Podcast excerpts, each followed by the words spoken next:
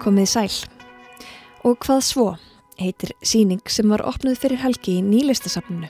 Við heyrum af henni síðar í þættinum. Við heyrum einnig af viðbyrðum sem fara fram á föstudag og laugardag undir heitinu Letters to Iceland. Þar sem þrjú virt skáld frá Breitlandsegjum heimsaki Ísland til að segja frá og lesa úr verkum sínum. En við byrjum á íslenskri ljóðabók sem kom út fyrir skemstu. Regntímabilið heitir hún.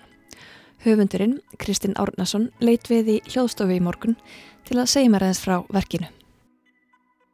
Já, í, já, í rauninni sko, ég má segja að við svona hrunið fyrir hrun, rétt fyrir hrun og var þú alveg óvinni fær svona sumarið, byrjum sumars 2008 og hætti þá að sinna fyrir störfum þótt fyrir að við verið eiginlega, var búin að vera svona í einhverju svona augun hætti að virka og svona taugakerfis einhverjar stíplur og hérna smá saman fóru svona í löll svona kerfi líkamassa hálf svona gefa eftir og meldingin og augun og, og hérna mikil síþreita og, og verkir og, og þess að Varstu þú bara búin að kera þau út?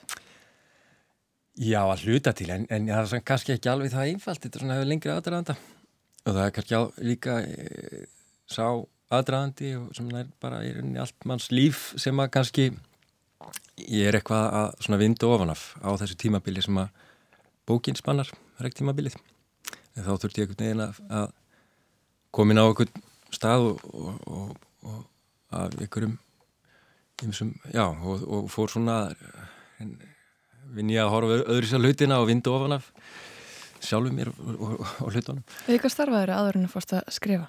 Mér, ég var í útrásar teimi í Gleitnibanka á svona skrifstofu fórstjóra þar sem breytist nú í einhvers konar krísu teimi hérna síðustu mánuðina fyrir hérna og þar var ég sem sagt að berjast í að horfa á tölvskjáin og einhver frekar skjöl sem liti frekar ítl út í gegnum augur sem voru orðin veik og mikinn hausverk og þetta var svona, já, það var ekki mjög gáðlegu tími kannski og, og hérna, það er nú ekki að versta við þetta, það voruði veikur, það er rauninni þótt að það því að við fyllt svona langur og eruðu tími í sjálfsir en hérna það er svona gata af sér breytingar og, og svona nýja sín á margt Hvernig, hvernig sér þetta þegar þú horfður tilbaka? Erstu þakklættu fyrir þetta tímbil?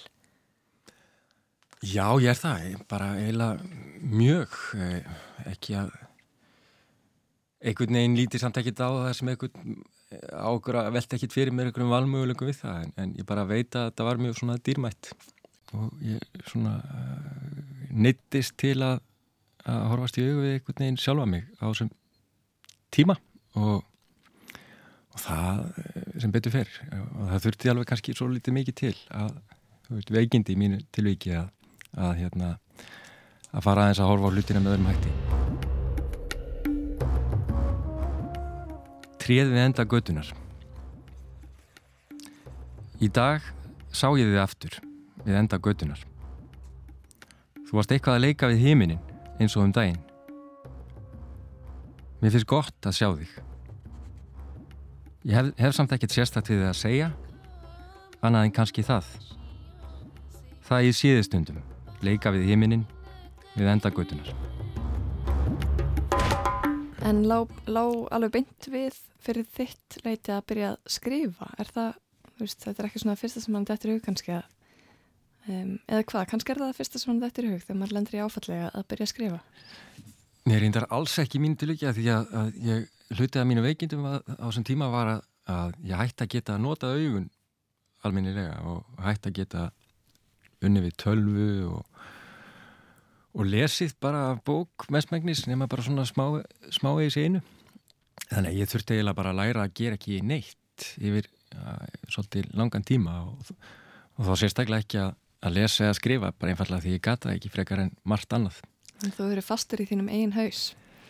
Já, en samt svona var það verkefnið einmitt að já, ég var svona fastur eitthvað staðar en fastur kannski meir í mínum eigin líkama sko og, og já, og, og haus líka og þá svona þurfti ég eitthvað negin að vinna með það að, að það er ekkit svo góðu stað til að vera á. Að reyna þá að fara eins út fyrir sjálfa mig og að vera ekki bara að í einn hugsunum eða að reyna að hugsa lífið og hlutina hvernig ég ætla, ætla að, að hérna leys úr mínum veikindum eða framtíð eða, eða fortíð heldur einfallega að reyna að bara svona skinja hlutina beint við sjálfan og umhverjum. Hvernig fórstu því? eins og ég segi, það, kannski þessi veikind einhvern veginn, hálfparti neittu mig inn á svona þá braut, svona í bland við kannski að rekast á einhverjar austrænar hefðir og, og ferðalögum innlandu og, og fleira í leita að Þú fórst þannig sagt í ferðaleg? Já, og það kemur fram og koma svona bútar úr í bókinni úr, úr, úr því ferðalegi sko, en ég fer í svona ferðir og er búsettur í Stokkólmi og, og er svona í, á einhvers konar andlegu ferðalega að reyna að finna fyrst einhverjar svona skindilusnir eða bara einhver svona svör við hverju ég væri svona lasin en hérna smá saman breytist að hætti ég að verði frekar ljóst að ég finn, mun ekki finna einhverja patentlusnir og þá breyt, umbreytist í rauninni ferðalagi einhvers konar svona sjálfskoðunar ferðalag en líka ferðalag um, um heimin aðeins í bland e, því að ég hafði nú mikinn tíma og, og hérna og og það var til dæmis ekki dýrt að vera á Índlandi. Úr loftinu hanga ljósaperur eins og stjörnur, eins og eitthvað sem ég glimti að muna. Eh, Ræktímabilið, þú skiptir henni í fjóra kabla. Eh, hvernig, eh, hvernig hugsaður þessa kabla? Í rauninni er þetta svona ykkur skonar kablaskipti svona á, á þessu ferðalagi eða þessu tímabili sem að rektímabilið er eh, og það kom nú bara svona út en, en ég held að held að þetta sé rauninni svona ljóðræðin saga svona vitundar og ákveðin, ákveðin svona vitundar eða svona eh, breytingasaga í meðutundinni og svona ég er að taka breytingum á þessu tímabili og, og það endur speklast í held ég ljóðunum. Þannig að þetta er bæði bara svona beinskinnjun eða bara aðtikli á, á reyfingu að reyna að koma aðtiklin í orð, við má segja. E, út í einhver meiri svona kannski efnislegar hluti sem að tengjast mér meira persónulega. En þú sagði mér áður en við hófum upptökað að þú værir að vinna með þetta efni líka í öðru formi núna. Já, í rauninni Ljóðabókin, rekt tímabilið, er hugsað sem hugsað er á, á sér sýrsturverk í, í lengra formi sem er svona verk í vinslu og er, er svona í lengra máli. Einhvers konar e, reysubók eða ferðasaga sem er þá ekki ljóðabók heldur prófsaga. Nei, sem er þá bara svona sann saga af einhverjum svona semilega skapandi toga og, og svona gætu svona styrt hvora aðra og hérna í öllu falli er þetta að hugsa sem svona eh, ljóðabókinni hluti af stærra vekki, má segja.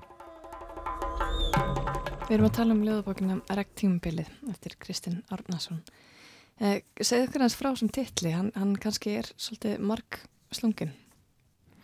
Já, hann svona vísar í þetta tímabil sem byrjar kannski þegar ákveða að fara og með, með kærustinni minni þá þegar ég var orðin óvinnu fær og og svona bara orðin hálf örvendingar fullur og vissi ekki alveg hvað ég átti til að taka en átti samt vona á að myndi einhvern veginn já mjög svona bjarsýtna að myndi bara einhvern veginn greiðast úr þessu fljótt. Ég myndi nú bara tækla þessi veikindi og fara og stunda jóka í Índlandi og, og það myndi líklega bara rettast því þess vegna gæti bara farið að, ferðast og þetta myndi sennilega bara ég myndi sennilega bara lagast á því ferðalagi þurfti bara smá kvild og, og, og þetta er bara flott. Og þá get ég haldið áfram að inn í eitthvað, eitthvað bjarta framtíð á svipuðu nótum og ég hafi hugsað mig fram að því. En svo breytist það smá saman að hérna fyrsta lagi sama hvað ég gerir mikið þá, þá kom heilsan hægt og og í rauninni tekum að ákveða slóðir og í ykkur ferðarlega sem að ég laði ekkit upp með og var bæði lengra og, og, og svona skrítnara en ég hefði getað svona kannski útvært fyrirfram. Og, og já, rekt tímabili er þá kannski þetta tímabil sem að verður úr þessi nokkur, nokkur ára tímabill í, í lífi mínu. Og rektímbili vísar aðeins það er nú lítill textabútur í sem er kannski aðeins í vísun í hitabelti líka sem ég er að hluta til stættur í. En líka, en, en líka já, vísun í tímabil og, og regningu og svona ákveðna næringu og kvild og, og eitthvað sem er nöðsynlegt og svo eitthvað, eitthvað nýtt sem sprettur kannski spratt eh, á, eða var til á þessu tímafili Þannig að þú varst, þú varst ungur bankamaður sem varst búin að vinna yfir þig allar að fara ferðalag og, og verða betri og bara halda áfram í bankanum en, en breyttist bara á ferðinni eða hvað? Já, kannski að svona einhverju leitið er þetta rétt en svo var ég nú alltaf kannski svo litið svona tvístraður með störf mín í bankanum og, og og var kannski, hefði kannski betur farið á aðra braut fyrr og, og svo framvegs en, hérna, en já, ég, ég ætlaði var svona mjög bara átti svona doldið gott með afneitun á, til dæmis á ymsu sem að allir örglega vengindunum ef maður lítur lengt og, og, og líka en Hvað meinur afneitun? Bara afneitun á þér sjálfum? Já, maður kannski segja það, ég er bara einhvern veginn svona ég þurfti að læra einhvern veginn að horfast í augu við sjálfa mig og, og veikindin með einhverjum svona bara hlutlausum hætti eh, sem var ekki bara svona í einhverju sjálfsblekkingu eða einhvern veginn að segja mér hvernig ég ætti að vera eða hvernig ég ætti að batna eða mm. eh, heldur þá að frekar að fara í hináttina svona bara vind ofan af get ég ekki reyna að hætta að gefa mér hluti og, og, og svona skoða hver, hver ég geti kannski hvað væri kannski ránt í minni eða þú veist hvað ætti alls ekkit við um mínar hugmyndur um sjálf mig og Ég var að horfa á fólald á litlum limmiða inn á klósetti. Þegar það sló mig hver fallegur ég var. Svo friðsæl, ungur og saglus. Kanski er allt í heiminum fallegt, nema þessi miskilningur inn í okkur. Kristinn, ég fekk þessa bók Rektjúmbilið í, í umslægi með mjög fögurum stimpli. Mér langar að segja að það sé gerfugl á honum. Já, hann, er Þetta er gerfugl. Þetta er gerfugl. Um, og undir, undir ringlega mynd af gerfugli á, á svona litlum, e, í, svona örlitlum hólma í, í hafinu. Já. Sendur páska eigan. Já, einmitt. Hvaða eiga er það? Já, ekki í raunverulega, ekki, þú þarf ekki að útskýra fyrir okkur hvaða eiga páska eiga. Nei, þetta er einhvers konar svona vísun í, í já, í þetta, þessar myndir sko, eiga og, og gerfuglin, eða, eða fuggl, útiður fuggl Og páskaðin er sem sagt útgáfa? Já, þetta er svona e, útgáfu fyrirtæki meðal annars. Hugsa sem svona einhvers konar aðdafna félag utanum goða hluti. Já, e, þetta er frekar opið, opið hugmynd en, en, en sko nafnið og, og myndin e, vísar í eitthvað. Þetta er svona svolítið brínt.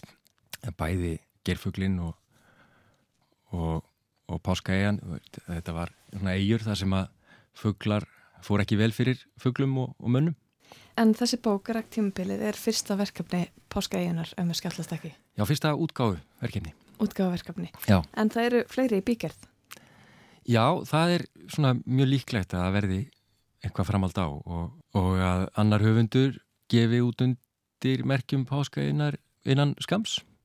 Þannig að við svona okkur, okkur líst vel á það og líst vel á þann höfund þannig að hérna, sjáum hvernig hvað setjum við það. Talar verulega mikið undir ós hérna. Þú segir við, hver er, hver er standa páskaðinni? Já, ég ætti nú kannski ég er, ég er bara félagstofnað af, af sjálfur mér og, og mér langaði að gefa út bókina sjálfur líka bara til þess að, að hérna, hjálpenni að fá góða búning og, og að prófa að standi í bókútgáðu mm. og fara í gegnum það ferli. En, hva, en hvað hva gerist þegar maður gefa svona út sjálfur?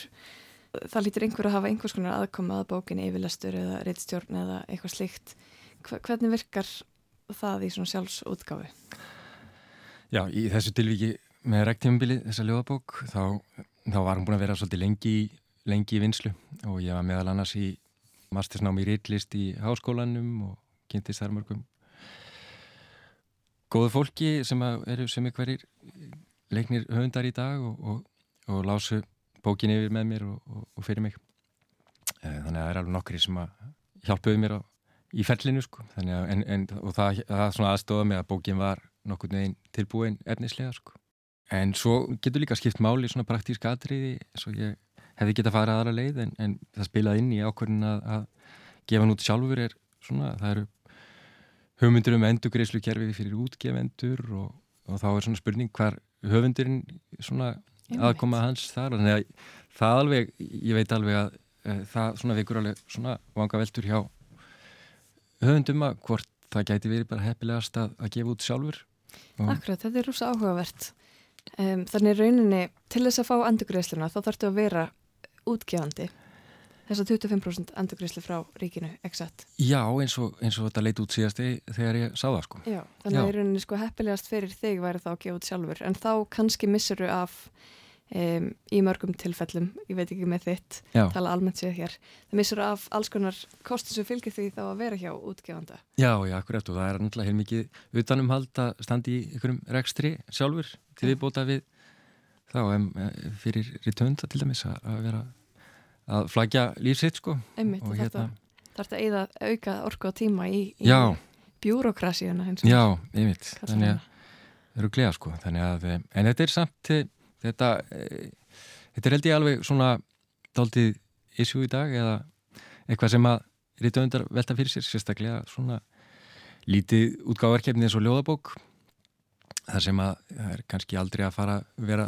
mikil hagnaðar von svona að, að hvernig er best að standa því? Svona. En, en um, hvernig hugsað þú það þá ef að þú tækir að þér verk annar höfunda? Hver fær endurgriðslega þá? Já, það, það er eitthvað sem við svona, hefum við aðeins verið bara að ræða smá aðeins og, og, svona langað allavega að skoða hvern, hvort að það sé ekkur flötur á því til að, að, að hérna, einfalda höfundum að, að gefa út sjálfur eða svona einhvers konar svona millileið eh, að gefa út á einhver litur sjálfur og, og taka þá einhver meiri þátt í, í bæði kostnaði og tekið hlutanum og endurgreðslum eða hvernig sem það verður á endanum. En ég í rauninni veit ekki alveg hvort það sé mögulegt eða en þetta er allavega eitthvað sem ég verið að skoða þess bara veld fyrir mér og ekki bara ég veit ég bara hvort það sé að svona hvað þetta þýði og hvernig er þá hvort það sé ykkur tækifæri í, í því fyrir höfunda En bókin er nú tiltölulega nýkomin út um kom út á þessu ári þannig að það hefur mæntilega ekki reynd á þetta endurgriðsleikkerfi ennþá hjá þér. Nei, nei. Og þetta er nú bara svona í, í varandi þessa bók svona bara svona, hlut, svona bak, bara eitthvað sem að við erum svona sjá til með sko. Þannig að hérna, spilaði samt alveg inn í ákvörðun að gefa hann út sjálfur. Það undir, undir merki páskaðunar hérna. Þetta eru einhverjar þreyfingar for, forvitnið þreyfingar kannski meira um hvernig bókabransin virkar Já, einmitt, frekar en, frekar en það að páskaðin snúist um að, að hérna sæki endugrislir fyrir bókotgáð hérna Það er það bara klús Já, það verður svona samt, já, eitthvað sem að svona, sem spurning bara hvernig, hvers konar árið þetta hefur á lillar bóka útgáður og, og höfunda. Þetta er algjörlega þart innleggi umræðina um, um afkomu höfunda. Kristinn Árnarsson, kæra þakki fyrir að koma í viðsjá og segja ykkur aðeins frá bókinni Rekt tímabilið og, og innilega til hamingi með hana. Takk, takk ég lega. Reykjavík Midsummer Music hátíðin hefst í hörpu á fymtudaginn og við ætlum að hita árlítið upp fyrir hana hér í Víðsjá og hlýða á tónlist í flutningi nokkura listamannana sem munu koma þar fram í ár. Rúsnanski fylguleikarin Ilja Gringolds rýður á vaðið. Hann spilar hér loka þáttinn úr Divertimento eftir Igor Stravinsky. Pítur Lál leikur á piano.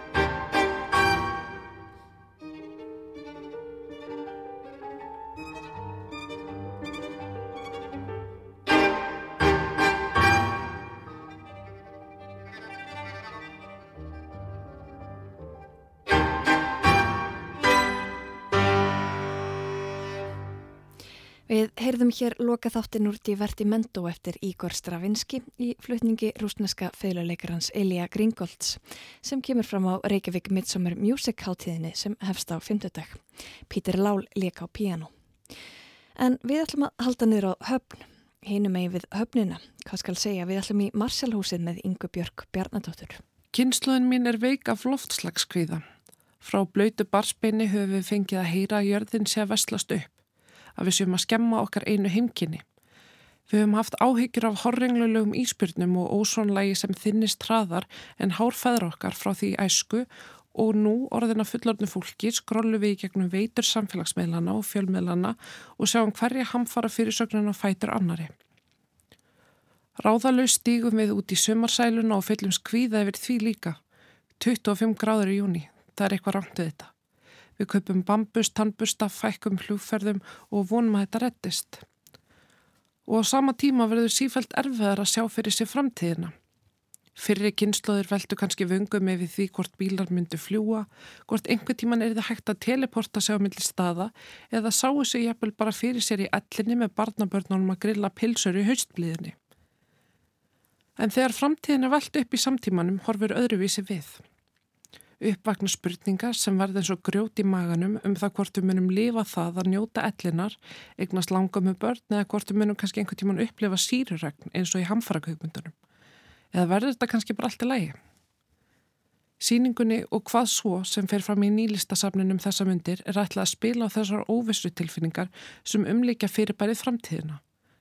Reyndar ekki aðeins um hamfarahlínun heldur líka þar samfélagsbreytingar sem við höfum upplifað og stöndum framifyrir tæknibildingar, söpnun auðs á forra hendur og siðferði svo fátt eitt sér nefnt. Það eru tólf listamenn sem eru leytir saman á nýlistasafninu af síningastjóranum Sunnu Ástórsdóttur. Listamenn af ólíkum kynnslóðum sem takast á við framtíðana með beinum og óbeinum hætti hvert á sinn hátt á ólíkum tíma. Sá elsti Þórður Ben Sveinsson fættur árið 1945 en sá yngsti Fritz Hendrik fættur árið 1993. Sumverkin öðlast aðra merkingu þegar þau eru sínd á nýjan leik. Má þar sem dæmi nefna verk Þorvaldar Þorstinssonar The Most Real Death þryggja vídeoverkaröð þar sem fólk sviðsetur eigin dauða. Það þykist vera skotið, engistum á gólfinu, unst það liggur hrefingalust. Verkið sem síndur á síningunni er það fyrsta í röðinni og frá árinu 2000. Merkingaþrungið ár fyrir allt áhuga fólkum heimsendi þar sem aldamótin voru talin marka endalókin. Hvað merkir það fyrir okkur í samtíðinni? Okkur sem nú erum á nálumi við framtíðinni þjökuð af kvíða yfir ástandi heimsins. Það er samt alls enginn drungi við síningunni við fyrstu sín. Þörst á móti voru hún afskaplega hlýlegan og notalega blæ með litrikum skúlturum Huyins Þús Arasonar og gróðurinnsetningur Rúna Þorkelsdóttur. En svo er staldra við. Verk Rúni Þorkelsdóttur Gróðungsgöldtjör sem fyrst var sínt árið 1979 mun rótna og vissna hægt og bítandi. Það sama á við um hluta innsetningar steinunar Gunnlaugsdóttur. Skultúrar Huginsþór hafa þegar tekið að hörna, skultúrarnir eru hverstagslegi plastlutir, flöskur og ílátt ímiskonar sem listamæðurinn hefur klætt með litrygum leir svo þeir verða næstum eins og leikfeng. Skultúrarnir eru frá árinu 2002 og hefur leirin byrjað að molna utan af glæðilegum skultúrarnum og þeir minn okkur á að allt hörnar og skemmist rétt eins og hagköpspókin sem mamma þín notaði árið 1989 og þvælist nú um í Allandshafinu. Dystopísk innsetning Steinunar Gunnlaugsdóttur sem ber heitið Véluð er sérstaklega grípandi. Þar glimur í síngaríminu möndrukendur söngur sem segir setningar á borð við Vélaðu mig og við höfum öll verið Véluð. Að Véla er sögn yfir að blekja eða svíkja en fær nýtt samhengi í samtíma yðn og tæknivæðingarinnar að vélast við og vélinn verðum eitt. Mannshamur liggur í gólfinu í öðrum enda síningarhýmisins og í hinum endan með dúkalagt borð með ávöxtum. Hrú af mold og kól er við fætur borðsins og yfir því hangir snara og ramagsnúr. Fallegt í fjarska en gefur manni gæsóð þegar nær er komið. Líbia Castro og Ólafur Ólafsson eiga líka verk á síningunni. Þau sína bæði vítjóverkið Illusion Woman sem fangar spennuna og uppgerðið í kringum efnahagsrunni 2008. Þau sína líka verk sem ennir í ferli og nefnist tónskráskissur fyrir í leitað töfrum til að nýri stjórnaskráfur í líðveldið Ísland. Þar fjalla þau um samspil listarinnar og baráttuna fyrir nýri stjórnarskrá. Ég er svart sínað eðlisfari, gerir neyðar áallanir og undirbý mig. Undirbý mig svo betur. Kanski horfir þessi síning öðruvísi við bjart síðan á lífsgæðara fólki en mér.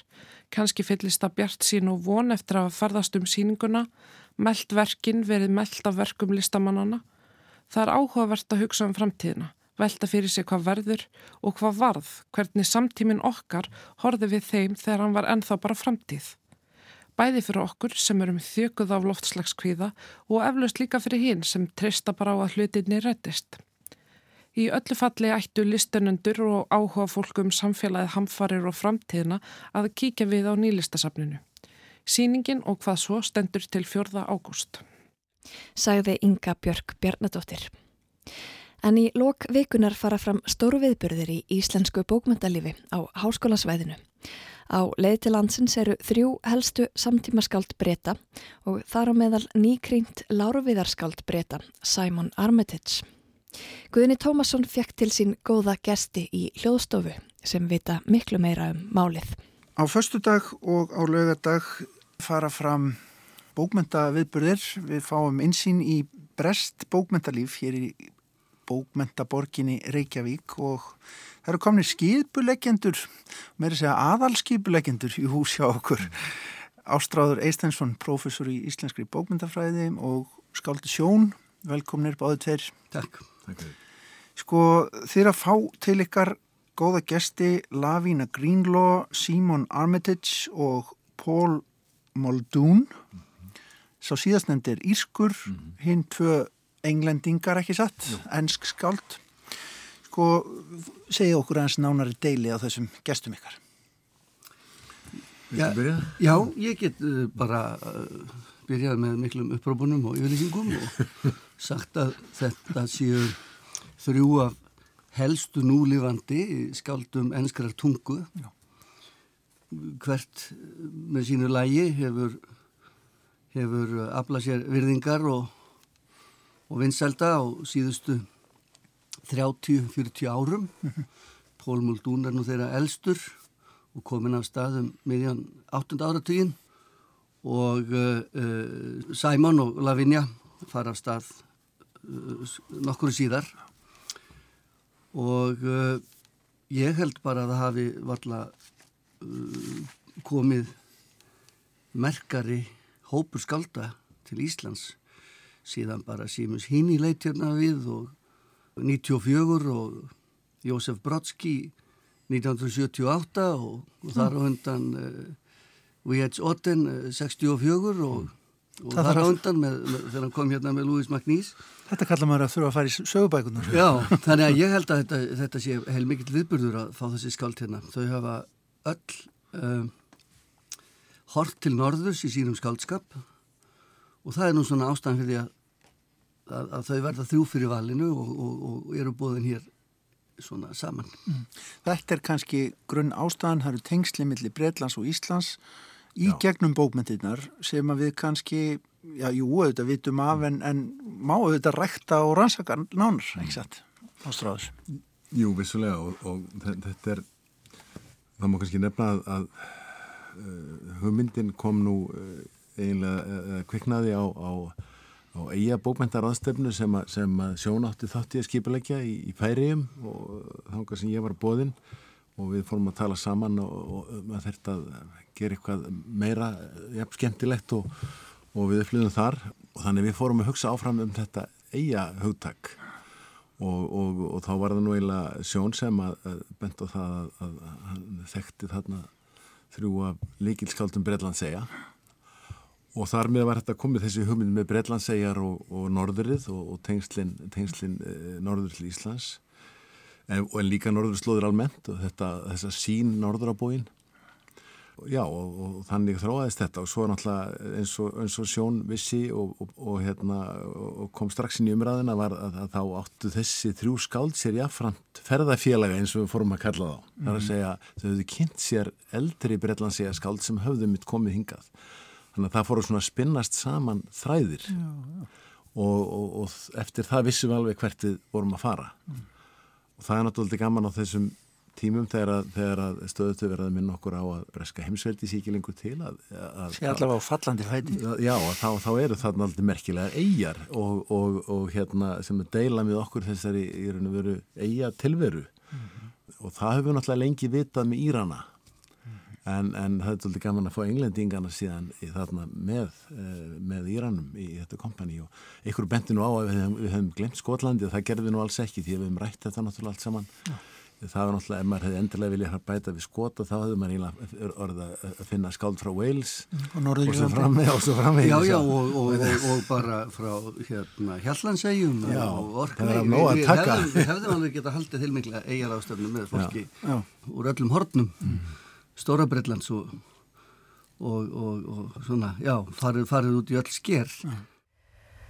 This poem is called Blue Field and it's about Arctic twilight which is a time when everything goes intensely blue. And I wanted to describe this blue without comparing it to anything else, which of course is impossible. Blue field. A flood as the day releases, and the whole snow world is neither wet nor deep, but primary. Colour so inherent it does not fall, but rises from my skin, the snow, the trees, the road. This blue isn't built or grown. It has no tissue, nothing to touch or taste or bring to mind a memory. En ef við horfum frá Breitlandi mm. og hinga norður, mm. þá er þessi hugmyndum norðrið sko eitthvað sem heillar og hefur mm. gert aldrei í gegnum tíðina og heillar kannski þetta fólk en þá. Er það að yrkja á þessum nótum skulum við segja? Þetta er gamalt, uh, uh Lavinia Greenlaw hefur uh, meðal annars uh, gert bæði útvarstætti og, og, og skrifað uh, greinar um William Morris og hans heimsóknir til Íslands á, á 19. öld. Hún rýtstýrði ólega fallegu sapni brota úr dagbókumans sem hún skrifast síðan ávið í ljóðformi. Þannig að hún hefur sett sig inn í það, þessa, þessa svona eldri bylgu uh, uh, áhuga mm -hmm. uh, breskara skálda á, á landinu og á þeim tíma var það auðvitað uppgötun Íslendingasagnana sem að þessi, þessi, þessi önnur uppgötun Íslendingasagnana þarna á 19. öld sem að uh, sendi marga hingað í Pílagrims leðangra og hér fann Morris fríð frá lífsins amstri og, og, og fjölskyldumálum í íslenskri náttúru og samtali við íslenskar bókmyndir og eins og Þetta er þitti síðan í framhaldinu heilmikið og var í sambandi við Íslandinga þarna úti. Skipt okkur miklu máli. Skipt okkur miklu máli. Þannig að það eru margir, eh, margir þræðir sem liggja hengað og ímsar ástæði fyrir því að, að, að fólk hefur sóttingað.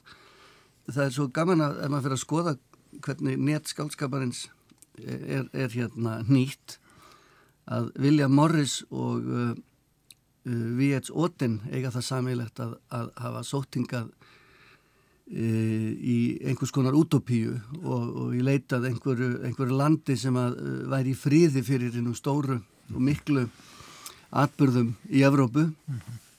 og skrif Morris hafa áhrif á það að, að, að Oten kemur hingað á sínu tíma og þannig að Oten er í samtali við, við, við Morris og svo bara því mér langar að nýta hérna smá netta þá er það nú svo skemmtilegt að þegar Jósef Brodsky á sínum tíma er rekinn frá Sovjeturgjónum að þá er það Víets Oten sem að gerist hans, hans helsti bandamaður í bandaríkjónum útvegur honum fyrstu verkefnin skrifa stóra líkil grein um ljóð, ljóðlist Brodskys í New York Review of Books mm. og Brodsky var hins vegar mjög náinn vinnur uh, Paul Muldoon já. sem ortum hann að ílega fallegt uh, minningarljóð sem heitir Faðmlag og byrtist í Times Literary Supplement. Maldún var svo aftur á móti mm -hmm. eitt af ungskaldunum sem að Símus Híni tók undir sinn vang á 8. áratöknum. Íslands tenging alltaf. Þannig að það tengist og, og Simon Armitage kom hérna 94 til þess að fetta í fótspor Otens og Magnís í félagi við Glenn Maxwell, mm. brestskáld og um það skrifuður bók. Þannig að allt nýtist þetta einhvern veginn og veldist saman. Já, einmitt og þetta var eitthvað sem okkur þótti bara komið tími til þess að skoða. Og svona heðra á vissan hátt, er það ekki ástráður? Að heðra í rauninni þessi skald sem að svo sem hefðu geta hort í hvaða aðra átt sem er. Þetta er, það er merkild hvernig þetta er í senn samtímalegt og sögulegt eins og, eins og Sjón segir að, að það myndaðist á, á nýndöldinni í Breitlandi og reyndar víðar í Evrópu mikil áhuga á norðurslóðum og það er hennilega bara ótrúlega mikil bilgja með almentamanna og margra annara af Breitlandi. Hérna kom hver leiðangurinn og fætur öðrum eh, frá Breitlandi, reyndar frá öðrum landum líka.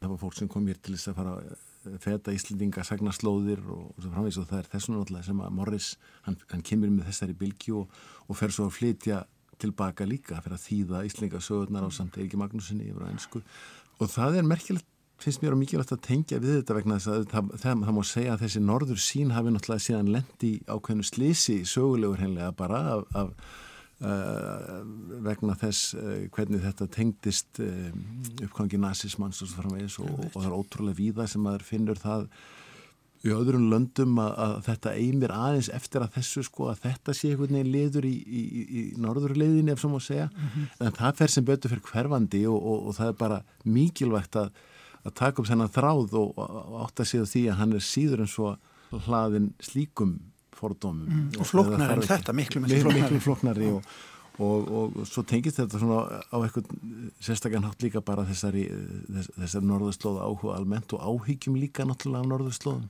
This is a poem called Kid which I wrote when I heard they were thinking of dropping Robin from the Batman and Robin adventure series which I just thought was a huge mistake. Um, I always thought that Robin had the most important things to say and the nicest costume. So the poem takes the form of a rant from Robin to Batman, uh, just telling him to, to get lost. He's going to go his own way from now on. Kid. Batman, big shot. When you gave the order to grow up, then let me loose to wander leeward freely through the wild blue yonder, as you like to say, or ditched me rather in the gutter. Well, I turned the corner. Now I've scotched that he was like a father to me, rumour, sacked it, blown the cover on that he was like an elder brother story. Let the cat out on that caper with the married woman. How you took a En þarna er Simon Armitage um, sem er nýkringt larviðarskáld og mér finnst alltaf svo, hérna, það er alltaf svo ríkal flott orð sko að vera, vera larviðarskáld. Hvernig hérna, rifið þetta eins upp fyrir mér, það að vera larviðarskáld í Breitlandi, það, það hvernig fer það fram? Kunnið þið þessar reglur? Er þetta mikil? Ég, ég sjálf sér kann ekki þessar reglur en maður veit það að, að þetta er þetta er ofinbér staða þetta er ofinbér staða ljóðskálds uh, konungsveldisins og uh, og það er bara einn í einu? Það er bara einn í einu og, og, og, og viðkomandi hann er uh, ljóðræna rödd landsins ekki bara uh, drottningar heldur almennings menn kekni ekki dundan þessu? Fólk uh, fyrir allavega í gegnum þetta held ég og, og, og, og öruglega til sögur af, af miklum hörmungum. Að, að, að fólk hef aldrei búið sitt barr en, en, en þetta fælst í því að vera í rauninni svona fulltrúi fulltrúi lögulistarinnar í, í þjóðlífinu og uh, það kvíla á þeim skildur að yrkja af stórum tilöfnum hvort sem að það er til þess að fagna einhverjum áfengum eða minnast eh, einhverja liðina, liðina eh, sigra. Mm -hmm. en líka uh, til þess að uh, færa í, í ljóð tilfinningar og hugsanir fólks á erfiðum stundum. Þannig að þegar það hafa komið upp uh, komið upp hérna, stórslis eða annars líkt í, í landinu að þá er skaldinu ætlað að stíga fram og, og huglega þetta með fólki þetta er ólega falleg staða. Þetta hljómar eins og, eins, eins og eitthvað úr hverju úrkynnaðri hýrð einhver staðar. En, en þetta er virkilega virkilega uh, ég held að höfum þessi virkilega að, að gefa skáldinu rött og vægi og, og, og setja það á þann stað að það tali og hugsi og skrifi og syngi. The loaf. When I put my finger to the hole they've cut for a dimmer switch in a wall of plaster stiffened with horsehair. It seems I've scratched a 200 year old itch with a pink and a pink and a pinky pick. When I put my ear to the hole, I'm suddenly aware of spades and shovels turning up the gain all the way from Raritan to the Delaware, with a clink and a clink and a clinky click. Sko þeir eru búin að nefna að Slavínu, uh, ef við hugsaum um Íran, Pól Maldún, er eitthvað allt annað, er tótnan á millið þessari eiga eitthvað ólíkur, ef við, ef við horfum á Írland, Írland og svo? Það held ég nú að Írar myndu vilja segja. Eða ekki? Þeir eiga sína gífulega löngu og miklu ljóðlistarhefð og hún sækir í hérna miklu alþýðu ljóðlistarhefð og söngvahefð sem að Írland á. Þannig að þennan óslitna söng Írarna bara aftur, í, aftur um þúsund ár og þar hefur nú heldur betur uh, ljóðlistin verið í þáu alltíðunar og, og, og, og verið tæki til þess að, að harma hlutskipti sitt mm -hmm. uh, undir ennsku yfirvaldi mm -hmm. öldum saman og uh, Pól sem er frá Norðurírlandi að uh, hann held ég að sé í hópi ítskra skálda sem að horfa norður meðal annars til þess að finna sér leið fram hjá hinnu enska yfirvaldi bókmyndana mm. Hann lítur til eins norræna sameigilega arfs og, og, og finnur þar uh, heilt bókmöndakerfi sem að, sem, að, sem að gefur honum styrk og gerir það verkum að hann einfallega getur sagt bara já þið getið haft ykkar uh, hérna háskóla stuttu uh, ljóðlist Oxbridge. á Englandi á meðan að við hér yrkjum bara beint upp úr írskri jörð og, og norrætni sögu. Já. En hann er gífulega, gífulega merkilegt skald, hann, hann Pól, á aðra höndina, eh, góður fulltrúi, þessar þjóðlegu hefðar og, og, og, um, og þess skóla sem að verður til með Simus Híni, en hins vegar er hann mjög alþjóðlegur í, í, í, í löglistinni og sækir áhrif og hugmyndir og uh, tilvísanir mjög víða af stillir það af í mjög sérstökum og kraftmiklum skáldskap. Mm. Ég þýtti eh, sjöljóð eftir hann af þessu tilhefni og það er svona með því erfiðasta sem að ég hef bara tekist á í, í hérna skrifum. Ja. Það er mikil orðkingi í þessu. Þjett. Mjög þjett ja. og sérstakir snúningar á hugsuninni mm.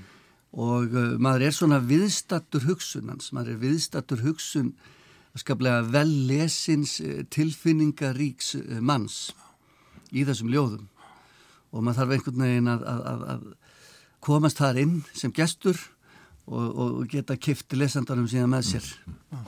Það er alveg, sko, og Maldún held ég, ég held að sé nú að segja að hann telst nú svona tyrnastur þessar að þryggja skálda og, og, og mörgum þykjar hann segur þetta en hann, hann er svona skáld sem þarf svolítið að rýna í og, og, en, en, en eh, þá líka byrjar hann að skila og, og við vorum rætt svolítið um að við sjóna að, að maður sér sko það er eiginlega svona mörg lög mm. í, í hverju ljóði maður, maður byrjar að fletta þessum lögum að þá kemur, kemur annað í ljós mm. og það er þetta magnað en hérna hinn ennsku skáldin eru, eru e, þetta er allt mjög þekkt skáld þau eru e, kannski aðgengilegir ykkur leiti Eh, og uh, Lavinia Greenlaw er stór, stórkostlegt svona lýrist ljóðskáld eh, tilfinningaríkt en, en, en, eh, en leikur og, og, og mikið hljóðfæri líka Já. og mér finnst þetta svona eftir að maður átti að segja því að hún er, hvað hún er mentuð bæði tónlist og, og hún er listfræðingur og þá, þá skilur maður betur hvernig, hvernig hún tengir,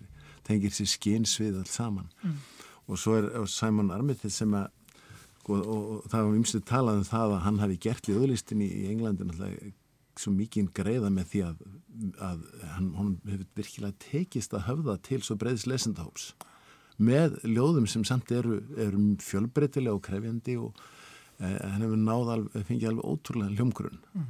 og svo kannski má nefna hérna, því að, að, því að hérna, Sjón var að tala um þinn akademísku tengsla þá er nú Írin heldur betur eins og þau öll, mjög tengtur háskóla samfélagin orðið og, ég, ég held að, að, að það er náttúrulega er, er, finnst mér bara að vera hennu góða mm. það eru frjó tengsl sem að, sem að við fræðumenn hérna, eigum að nýta okkur líka á skapandi hátt mm.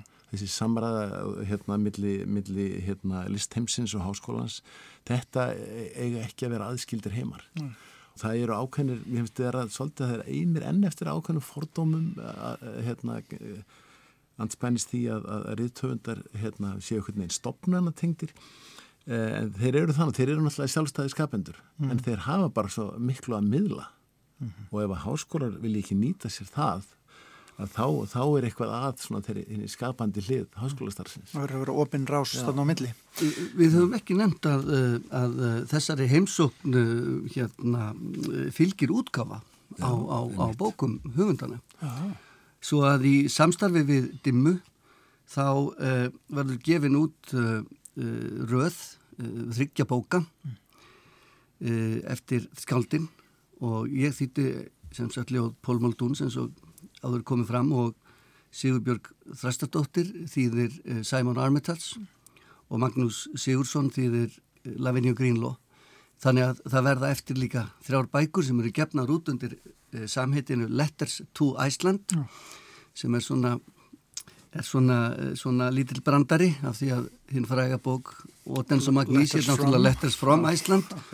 og það var komið til, tími til þess að þetta skrifu mm. breyf til Íslands. Mm-hmm. og það auðvitað hefði Íslendugur átt að skrifa þau frá Breitlandsegjum en, en, en svona, svona fór það nú. Og það verður fallega lítil útgafa þryggja bóka sem að, sem að verður þá eftir í landinu og þar sem að Íslands skáld hafa tekist á við þetta.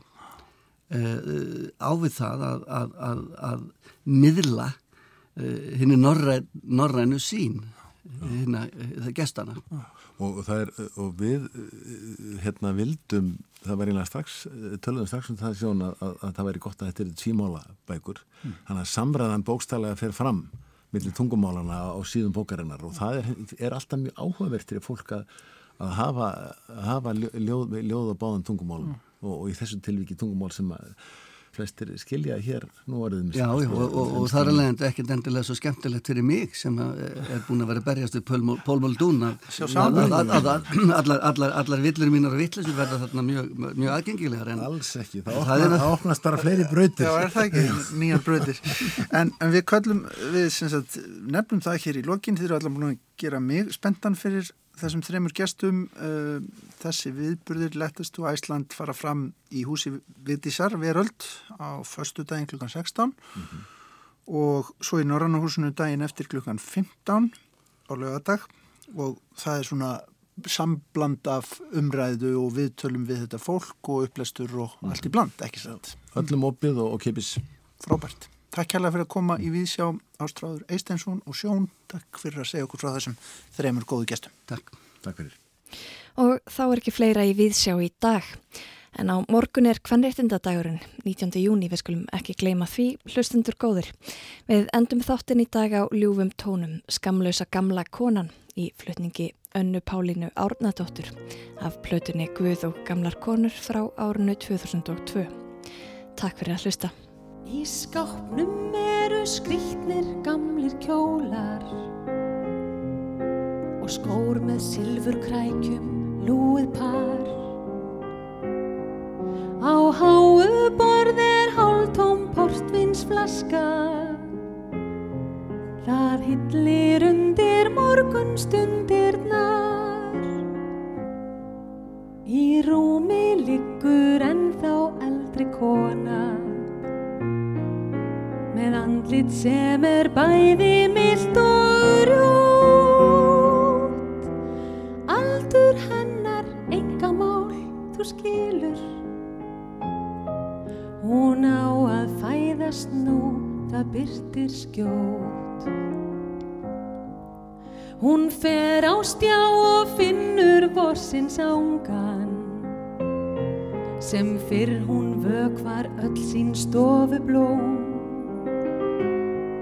og ketti gefur mat og kaffi lagar. Í kringum sig hún býr til leindar dóm svo flýtir hún sér út og fer að kaupa flöska mjölk og brauð og ost og vín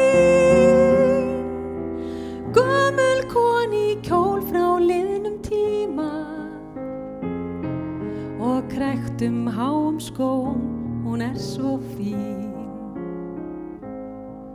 Í búðinni hún áða til að tala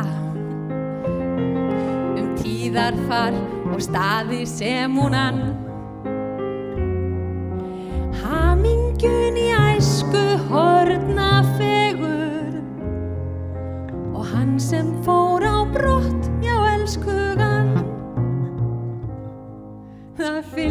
hlátur öllu sem hún segir.